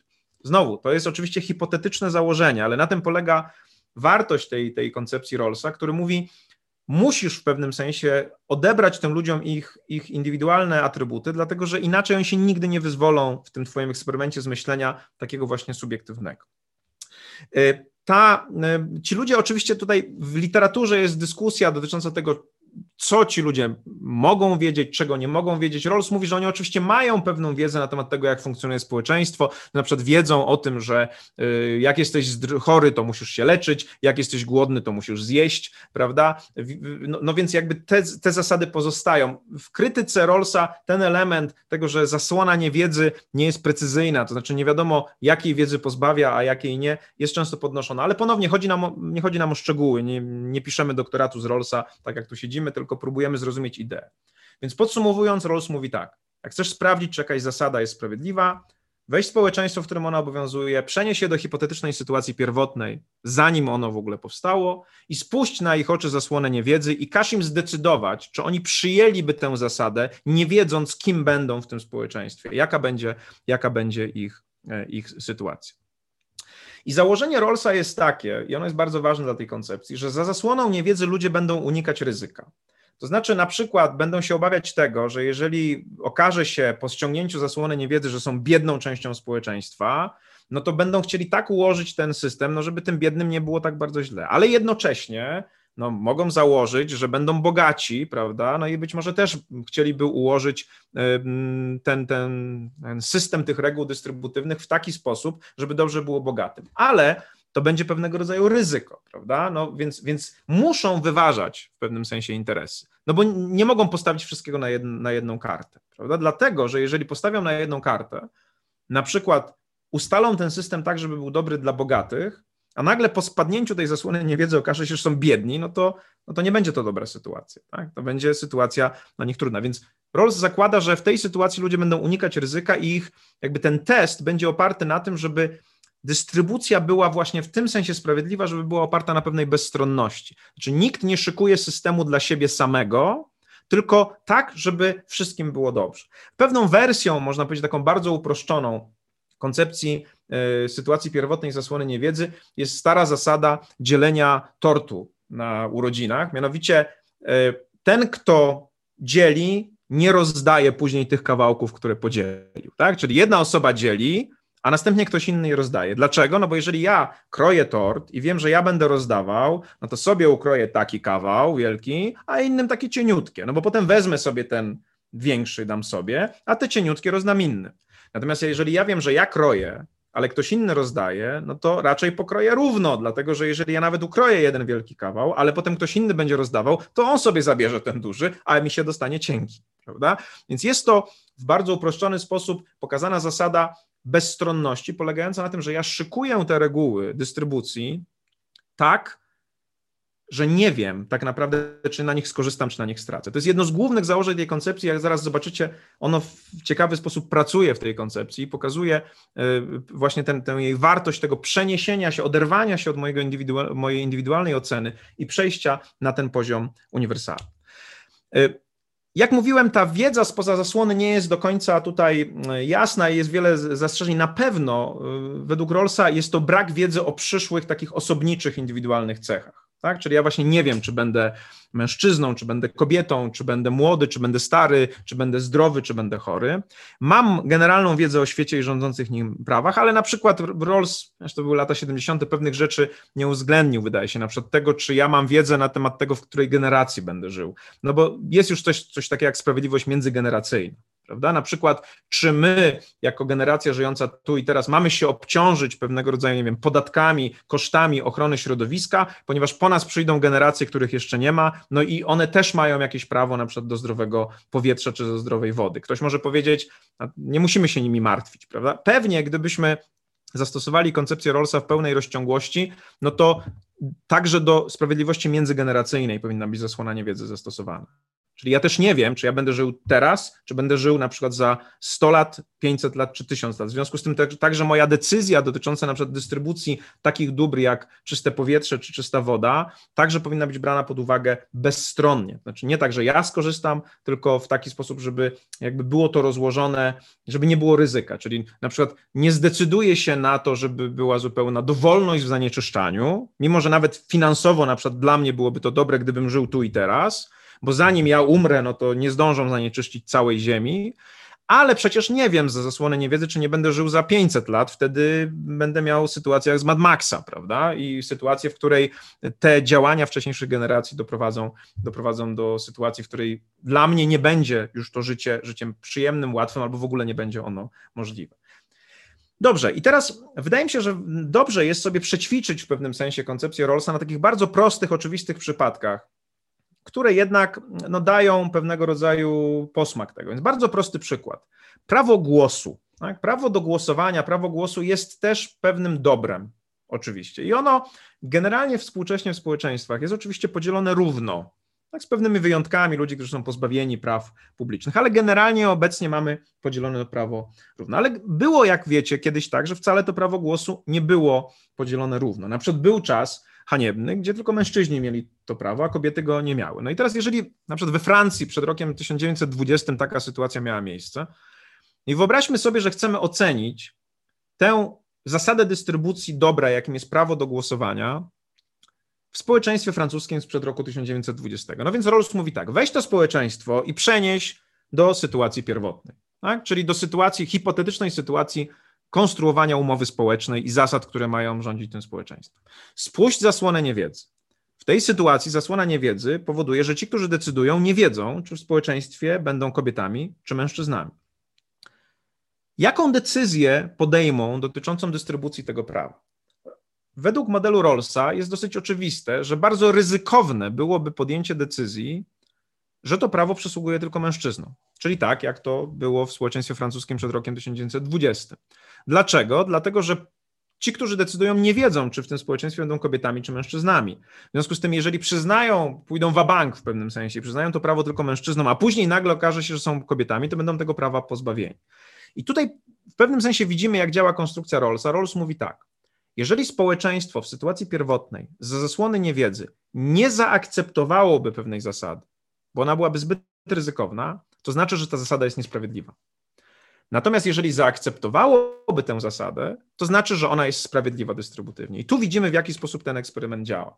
Wydaje się dosyć oczywiste, że społeczeństwo francuskie w tej sytuacji, w sytuacji pierwotnej, za zasłony niewiedzy, nie podjęłoby decyzji, żeby połowy społeczeństwa pozbawić głosu, bo nie wiedziałoby, którą połową będzie. Jeżeli nie podjęłoby takiej decyzji, no to ta, ta reguła dystrybuująca głos nierówno jest niesprawiedliwa. Oczywiście stosuje się do każdej innej sytuacji, w sytuacji Stanów Zjednoczonych, kiedy e, czarnoskóre osoby nie były, były pozbawione e, prawa głosowania, biał, białoskóre osoby miały to prawo. No, w związku z tym ta sytuacja także działa bardzo, bardzo podobnie. Jeżeli przeniesiemy to społeczeństwo do sytuacji pierwotnej, za zasłony niewiedzy, nie wiemy w jakiej roli ja wystąpię, jaki kolor skóry będę miał, no w związku z tym ryzyko jest dokładnie takie samo. Tutaj bardzo łatwo działa e, ta, ta zasada, e, jest to przykład, który pokazuje działanie e, rolsowskiej koncepcji. Podobnie, gdybyśmy popatrzyli znowu na inny skrajny przypadek, oczywiście niesprawiedliwej zasady, prawa do życia które byśmy sobie traktowali w nazistowskich Niemczech, to możemy wybrać sobie inną zasadę, nie? prawo do prowadzenia działalności gospodarczej, prawo do wykładania na uniwersytecie. I wiemy, że w nazistowskich Niemczech pewne grupy społeczne były pozbawione prawa prowadzenia działalności gospodarczej, e, prawa wykładania na uniwersytetach, a także prawa do życia w ostateczności. Mówię tutaj na przykład o osobach e, pochodzących z takich grup jak e, Żydzi, albo na przykład osoby psychicznie chore, albo osoby, które miały istotne wady wynikające na przykład z chorób genetycznych. No więc widzimy wyraźnie, że istnieje tu pewna reguła, która jednym takie prawo, na przykład prawo do życia przyznaje, innym nie.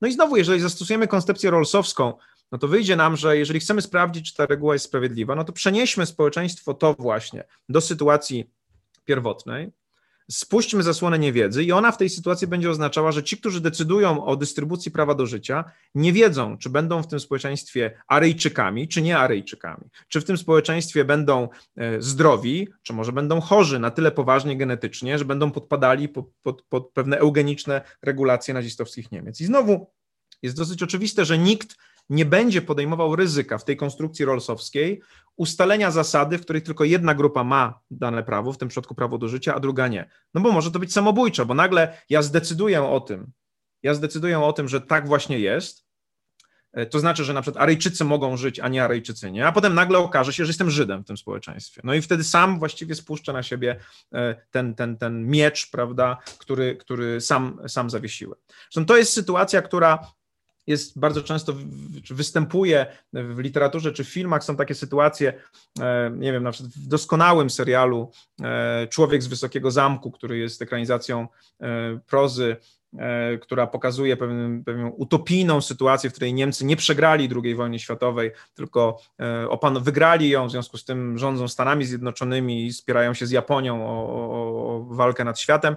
Tam jest taka sytuacja rodziny wysokiego funkcjonariusza nazistowskich Niemiec, który nagle musi się zderzyć z tym, że prawdopodobnie dzieci w jego rodzinie mają pewną skazę genetyczną, która kwalifikuje je do tego, żeby zostały poddane eutanazji. No i to jest ta sytuacja, w której nagle człowiek, który uważa się za Aryjczyka, który uważa się, który, który wierzy w sensowność tych rozwiązań, musi nagle zderzyć się z faktem, że one teraz zabiją mu dzieci albo uderzą w jego własną rodzinę. No to jest ta sytuacja jakby zrozumienia, że, że jest że, że, jakby wczucia się w pewnym sensie w tę, w tę sytuację, z którą mamy tutaj e, do czynienia. No i ponownie Rawls mówi, jeżeli byśmy zastosowali to do tej oczywiście niesprawiedliwej zasady, jest jasne, że społeczeństwo przeniesione do sytuacji pierwotnej, przy spuszczonej zasłonie niewiedzy nie podejmie decyzji o wprowadzeniu takiej zasady. Jednym życie, drugim śmierć. Bo wtedy y, może to się skończyć dla niektórych z nich źle. A więc ta zasada jest niesprawiedliwa. To są oczywiste przykłady niesprawiedliwych regulacji, ale one pokazują w sposób czysty, wydaje mi się, i prosty, jak zasada rolsowska działa. Ale można sobie wyobrazić bardziej złożone zasady. Teraz przechodzę do, do progresywnej stawki podatku dochodowego. Tu już sytuacja nie jest wcale taka, taka jasna. Jak wiecie, można sobie wyobrazić, że dystrybucja w zakresie podatkowym, czyli to ile odbieramy ludziom w, w ramach podatków, jest zorganizowana według dwóch zasad, na przykład liniowej i progresywnej. Tak? Liniowa na przykład 19% czy 17% dla wszystkich, progresywna, im więcej zarabiasz, tym większy procent z tego oddajesz. No i możemy zastanowić się nad tym, jakby tutaj działała koncepcja Rollsowska. No i tutaj już sytuacja nie jest taka oczywista, bo myślę, że mamy takie poczucie, że no nie można powiedzieć, że liniowy podatek albo progresywny podatek jest w sposób oczywisty niesprawiedliwy, tak jak na przykład nierówność w zakresie głosowania czy nierówność w dostępie do prawa do życia. Trochę bardziej złożona sytuacja, ale zobaczmy, jak tutaj na przykład działałaby koncepcja rolsowska. No ponownie, musimy wziąć społeczeństwo polskie, przenieść do sytuacji e, pierwotnej, spuścić zasłonę niewiedzy. Ona w tej sytuacji oznacza, że ja nie wiem, ile będę zarabiał, czy będę bogaty, czy będę, czy będę biedny. No i musimy tutaj wprowadzić ten element tego, że nie chcę podejmować ryzyka.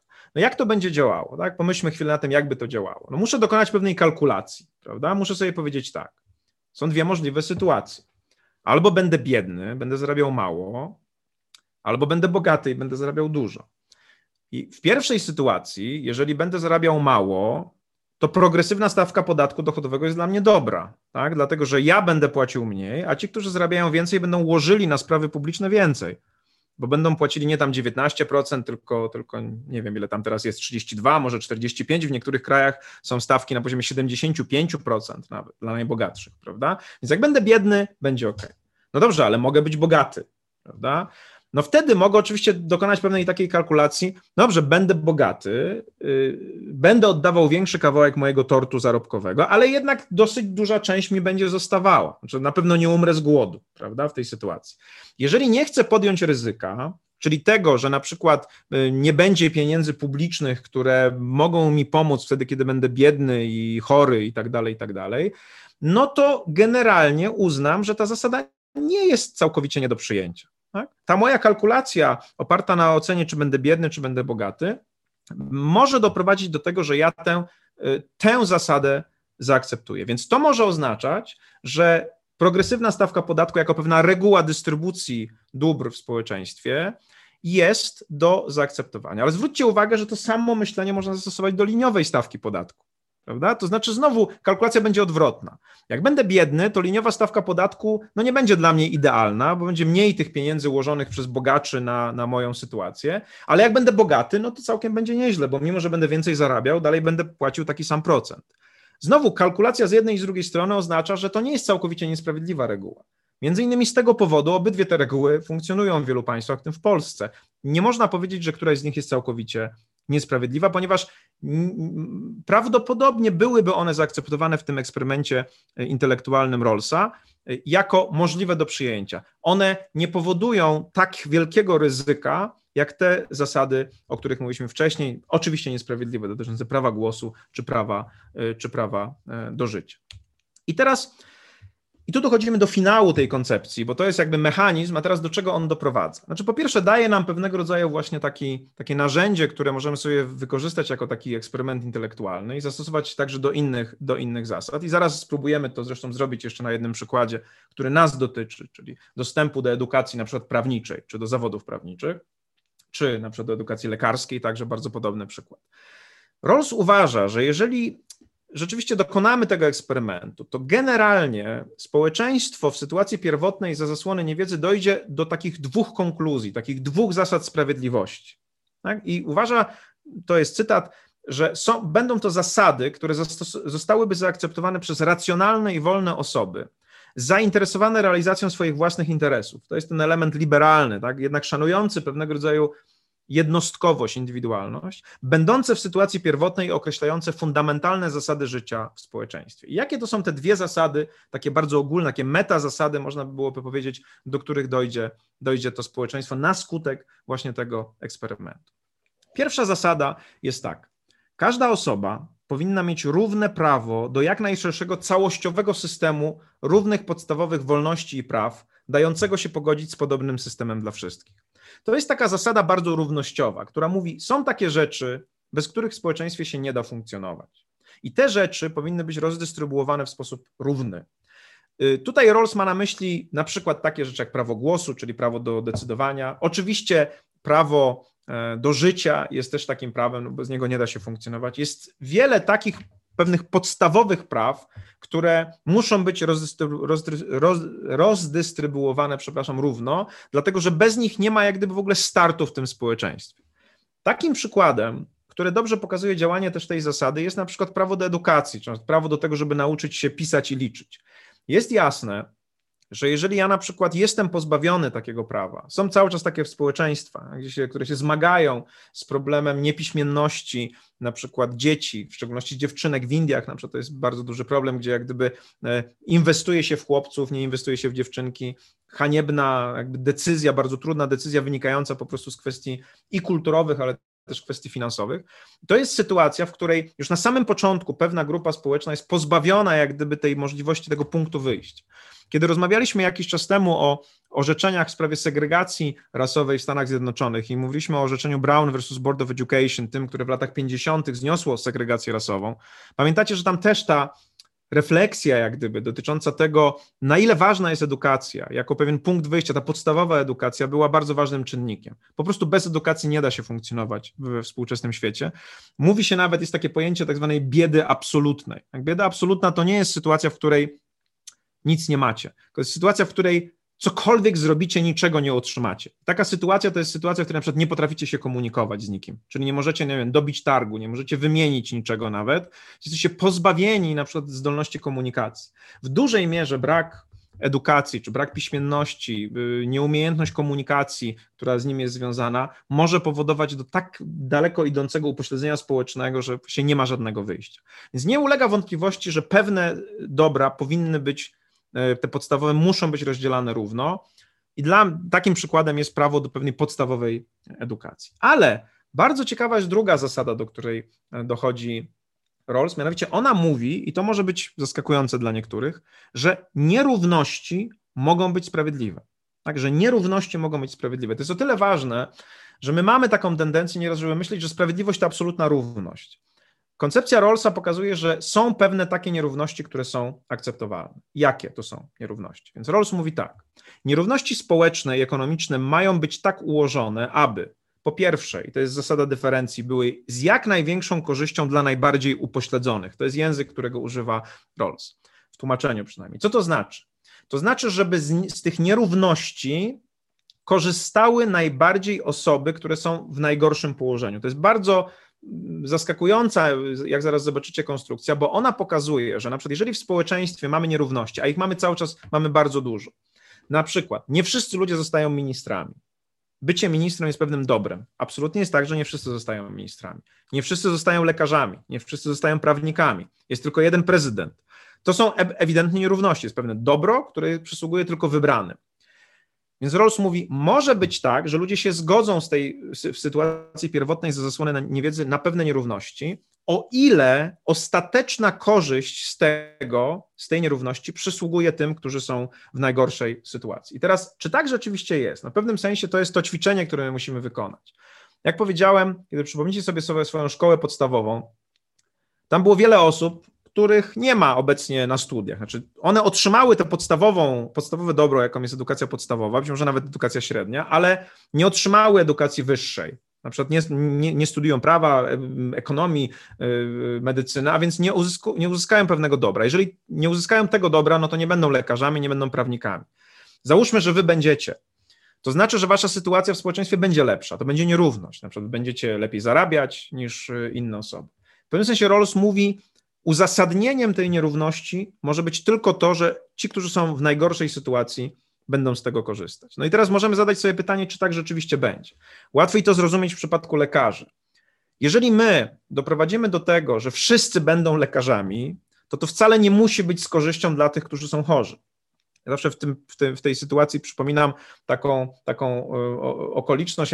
Każdy z nas miał w szkole podstawowej człowieka, który generalnie nie radził sobie ze światem. Ja miałem takiego jednego, który jadł kredę najczęściej i, i kopulował z ławkami. To było jego takie ulubione zajęcie. E, dobry człowiek generalnie, no ale tak, tak, tak robił. E, no i jeżeli chciałbym sobie, w, i oczywiście skończył tylko szkołę podstawową, to nawet był mój kolega, który, którym, z którym ja się przyjaźniłem. Do tej pory, jak przyjeżdżam do mojego rodzinnego miasta, to mówię mu cześć. Natomiast on no, nie, nie skończył studiów. Tak? Gdzieś tam sobie pracuje, wykonuje jakąś swoją, swoją pracę, jest generalnie szczęśliwym człowiekiem, ale ja sobie tak nieraz wyobrażam, ja taki, taki sen mam, na przykład wyobrażam sobie, że budzę się na łóżku operacyjnym, przygotowany do operacji i ten właśnie mój kolega stoi nade mną i trzęsie się ze skalpelem, prawda? I sobie mówię, nie, to nie jest dobra sytuacja. Ja jestem teraz najbardziej upośledzony, jestem chory, i to, że on miałby być chirurgiem, to nie jest dobry pomysł. Tak? To nie jest dobry pomysł. On nie jest do tego najlepiej przygotowany. Chciałbym, żeby chirurgiem był kolega czy koleżanka, która była najlepsza z biologii w podstawówce. Później skończyła liceum, które było, y, miało profil biologiczno-chemiczny, dostała się na medycynę, czy dostał się na medycynę, skończyła i w związku z tym ma predyspozycję, żeby być lekarzem. To jest nierówność, ale jeżeli ona jest sensownie ułożona, zaraz powiemy o drugiej zasadzie, to to oznacza, że ja jako najbardziej upośledzony chory w tej sytuacji korzystam z niej. Z prawnikami jest oczywiście podobnie. Społeczeństwo potrzebuje prawników. Najlepszym przykładem jest tego um, obrona z urzędu. Tak? Osoby, której nie stać na to, ażeby wynająć prawnika, państwo daje mu osobę, która staje się takim przewodnikiem, tłumaczem w postępowaniu jak, jak, jakimś tam, prawda, i pomaga tej osobie. Bez tej osoby to działanie byłoby o wiele bardziej utrudnione. Ale prawnicy są potrzebni po to, żeby konstruować te reguły dystrybucji, o których mówimy, pisać prawo podatkowe, e, prawo ubezpieczeń społecznych, inne regulacje, tak, żeby społeczeństwo żyło właściwie, żeby sensownie mogło dystrybuować te dobra. Więc bez nich, tak jak bez inżynierów, których nie wszyscy są inżynierami, bez inżynierów nie byłoby dróg i mostów i wtedy innym żyłoby się gorzej. Tutaj pewne uzasadnienie jest. Natomiast jest jeszcze ta druga zasada, równości szans, to jest drugim elementem e, tej, tej, tej, tej, tej drugiej zasady, czyli w drugiej zasadzie mamy dwie zasady. Mówi Rawls, dostęp, tak, te, te nierówności muszą być związane z dostępnością do urzędów i stanowisk dla wszystkich w warunkach autentycznej równości szans. Co to znaczy? To znaczy, że wyścig do tych, nierówno, do tych nierówno rozłożonych zaszczytów, właśnie nie wiem, bycia prawnikiem, lekarzem, posiadania mm, nie, lepszego zarobku musi być równy. To znaczy, że pewne warunki wyjściowe muszą być takie same. I teraz można sobie wyobrazić społeczeństwo, gdzie te nierówności istnieją, ale równości szans nie ma. Jeżeli popatrzymy na te Indie, prawda, i widzimy tam sytuację, że dziewczynki są gorzej edukowane od chłopców na tym podstawowym poziomie. Jeżeli popatrzymy na e, Stany Zjednoczone sprzed segregacji rasowej, gdzie dzieci czarne są gorzej e, wykształcone niż dzieci białe, to mamy do czynienia z sytuacją, w której ten start już jest zablokowany i później wynikające z niego nierówności jakby nie są uzasadnialne według zasady Rollsa. Czy w Polsce mamy taką równość? Na, na sali wykładowej ja robię bardzo często takie ćwiczenie. Proszę studentów, którzy słuchają, to musi być większa grupa, e, ażeby podnieśli ręce, kiedy będę zadawał następujące pytania. Kto z Was urodził się w mieście, które ma więcej niż milion mieszkańców? Kto z Was urodził się w mieście, które ma mniej niż 100 tysięcy mieszkańców? Kto z Was urodził się w mieście, które ma mniej niż 5 tysięcy mieszkańców albo spędził tam dzieciństwo? I muszę Wam powiedzieć, że rozkład jest najczęściej równy. To znaczy, to nie jest tak, że studentami prawa są wszyscy, tylko ci, którzy urodzili się w Warszawie i od siedmiu pokoleń mają w rodzinie prawników. Bardzo często zdarza się tak, że ludzie, którzy w ogóle nie mają w swojej rodzinie prawników, pochodzą z małych miejscowości, z wiosek często, siedzą też na tej sali, dostępili tego, może wątpliwego zaszczytu bycia studentem prawa, ale jednak jakiejś nierówności. Mają dostęp do czegoś, czego inni nie mają. To oznacza, że system w Polsce równości szans jakoś działa. Co jest jego elementem? No między innymi kwestia podstawowej edukacji, która jest taka sama dla wszystkich, pewnych działań wyrównawczych państwa, y, takich, które są jeszcze pozostałością PRL-u, który był bardzo wielkim ustrojem wyrównawczym mimo wszystko. Kwestie związane na przykład z istnieniem bibliotek, y, gdzie, które dawały dostęp do, do, do książek. To nam się oczywiście wydaje oczywiste, ale pomyślcie o średniowieczu, gdzie y, książki kosztowały tyle, ile nowy Mercedes i dostęp do wiedzy był oczywiście nie, niemożliwy, dopiero został jakby w pewnym sensie lepiej, równiej potraktowany po wymyśleniu prasy drukarskiej. E, mamy kwestie związane z takim samym programem nauczania. Mamy kwestie związane z pewnego rodzaju stypendiami, na przykład dla osób, które pochodzą z biedniejszych rodzin, które pozwalają im studiować w, w mieście, mimo że to utrzymanie jest drogie. Mamy akademiki, całą pomoc społeczną, całą masę różnych elementów, które próbują tę równość szans e, zapewnić. Oczywiście nigdy nie działa to idealnie, prawda? Zawsze można się przyczepić do tego. Był taki moment, że wskazywano, że bardzo jest zbyt duży y, udział na przykład dzieci adwokatów i radców prawnych e, w, w dostawaniu się na aplikację radcowską i, i, i, adwokacką. E, zmieniono to, teraz mamy bardziej transparentne zasady, mamy egzamin państwowy i wydaje się, że to też się jakoś wyrównuje. To zawsze jest pewien proces, on nigdy nie zawsze jest dany, ale zwracam Waszą uwagę na to, że ta koncepcja rolsowska jest o tyle interesująca, że ona właśnie pokazuje, że można sobie wyobrazić sprawiedliwe społeczeństwo, w którym są nierówności.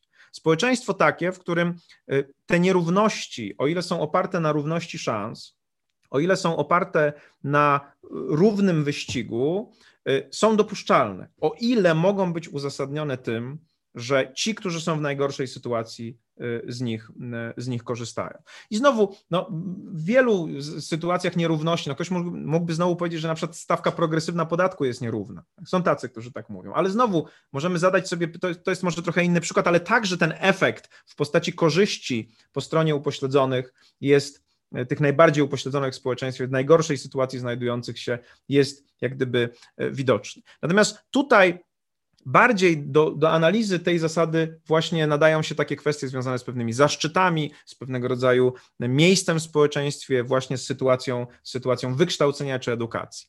Y, jeżeli na przykład, ostatnio być może słyszeliście, w Stanach Zjednoczonych był taki wielki skandal dotyczący zaangażowania przestępczego zresztą y, znanych celebrytów, y, aktorów, aktorek w zakresie łapówek za przyjęcie na studia do najlepszych uniwersytetów tworzących tą Ivy League, najlepszych Yale, Harvard i tak dalej. Bardzo brutalna akcja polegająca na tym, że bogaci ludzie po prostu płacili pieniądze za to, żeby ich dzieci dostawały się na te, na te studia. To jest sytuacja, która absolutnie nie spełnia drugiej zasady Rollsowskiej. Ona nie spełnia oczywiście żadnych standardów, ale dobrze jest sobie ją tutaj przeanalizować. Oczywiście te osoby, które dostają się na te studia i na przykład zostają prawnikami, lekarzami, one cieszą się z pewnej nierówności, uzyskują pewien dostęp do pewnego rodzaju znowu ograniczonego dobra, jakim jest edukacja w jakimś kierunku, możliwość wykonywania zawodu.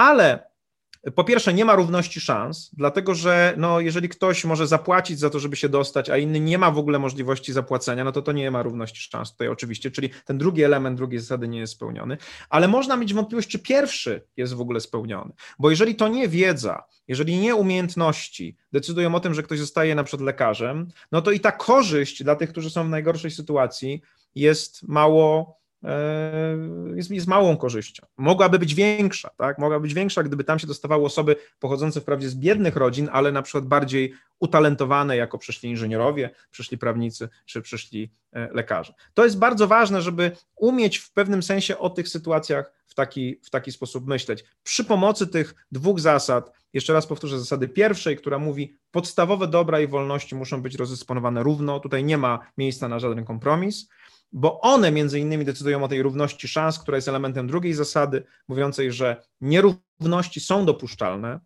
o ile korzystają z nich ci, którzy są w najgorszej sytuacji, w tym sensie ostatecznie korzystają, bo one najczęściej przysługują tym, którzy są w dobrej sytuacji, właśnie lekarze, prawnicy, inżynierowie, ale ostatecznie w społeczeństwie jest pewna grupa, która uzyskuje korzyść z tego, z tej, z tej właśnie, z tej nierówności oraz są one związane z równością szans w tym wyścigu do tych, do tych nierówności. E, podsumowując ten dzisiejszy wykład, mówiliśmy dzisiaj o teorii sprawiedliwości Rollsa. Zwróćcie uwagę, że ten tytuł angielski jego książki z 71 roku brzmi A Theory of Justice, co w języku angielskim oznacza, że to nie jest jedyna teoria, to jest jakaś teoria zaproponowana przez Rollsa, i ta teoria oczywiście była po pierwsze poddana krytyce, y, jest, wie, jest wiele innych jeszcze teorii sprawiedliwości. O, o sprawiedliwości pisali tacy na przykład wybitni myśliciele jak, jak Amartya Sen czy Sandel i inni myśliciele. Ja mówię o tej, bo mnie się ona wydaje w jakimś sensie interesująca najbardziej z punktu widzenia tych dystrybutyywnych działań ze strony, ze strony państwa. Omówiliśmy sobie koncepcję, która jest oparta w sensie takim swojej inspiracji na koncepcji umowy społecznej. Widać ją w tej konstrukcji y, sytuacji pierwotnej. Jest ona oparta na pewnej krytyce utilitaryzmu, jest ona oparta na myśleniu liberalnym, bo podkreśla tę rolę jednostki, która jednak może y, uzyskać pewną pozycję w społeczeństwie, ale to społeczeństwo z tej, z tej pozycji korzysta. Powiedzieliśmy sobie, że jest to koncepcja oparta także na myśleniu kantowskim, takim antyutylitarystycznym, które opiera się na imperatywie kategorycznym, a więc na takiej konstrukcji myślenia, w której my nasze indywidualne, subiektywne przekonania jakby odsuwamy i próbujemy je przenieść na bardziej uniwersalny, generalny poziom. Tak jak u Kanta, nasza maksyma indywidualna z, y, zasada postępowania jest testowana przez wyobrażenie sobie, co by było, gdyby była ona zasadą powszechną, tak u Rollsa y, moje indywidualne cechy, moje stereotypy, moje przekonania, moje uprzedzenia odsuwam przez zasłonę niewiedzy. Nie tylko przenoszę społeczeństwo w sytuację pierwotną, ale spuszczam zasłonę niewiedzy, która powoduje, że ja jakby pozbawiam siebie indywidualnych, osobniczych cech i powoduje to, że bardziej myślę w interesie całego społeczeństwa, a nie swoim własnym. To jest ta wartość, która oddaje y, u Rollsa ten, ten kantowskie przejście na poziom uniwersalny, ten bardziej, bardziej ogólny. I skonkludowaliśmy to w taki sposób, że społeczeństwo, które byłoby poddane takiemu testowi, doszłoby do dwóch zasad. Pierwsza zasada, podstawowe prawa i wolności równo muszą być rozdzielone. Druga zasada, nierówności mogą być sprawiedliwe, o ile spełniają dwie zasady. Są one oparte na równości szans, czyli wszyscy w wyścigu po te nierówności mają te szanse równe, czyli pewien punkt wyjścia jest taki sam. Nikt nie jest e, od razu właśnie jakby upośledzony w tym wyścigu, a przede wszystkim ostateczna wartość tych, tych, tych, tych nierówności y, kontrybuuje do jakiejś korzyści istotnej dla tych, którzy są w najgorszym, w najgorszym położeniu. Biednych, e, chorych, ludzi, którzy nie mogą sami się bronić, na przykład w sądzie nie mogą sami dochodzić swoich praw. Wydaje mi się, że ta koncepcja, oprócz tego, że jest po prostu elegancka, jest ciekawa intelektualnie, może Wam posłużyć nieraz właśnie do testowania pewnych zasad i zachęcam Was do tego, żeby nieraz sobie takie właśnie myślenie uruchomić. Czy konkretna zasada dystrybucji dóbr w społeczeństwie jest sprawiedliwa i zastosować koncepcję Rawlsowską. Jeżeli zainteresowały Was tematy, o których mówiłem, zachęcam do tego, żebyście włączyli się do dyskusji. Zostawcie koniecznie komentarz, przedstawcie swoją opinię. Możecie także zdecydować się na subskrypcję tego kanału. Będzie mi bardzo miło, bo wtedy będziecie mieć łatwiejszy dostęp do kolejnych odcinków. Zachęcam.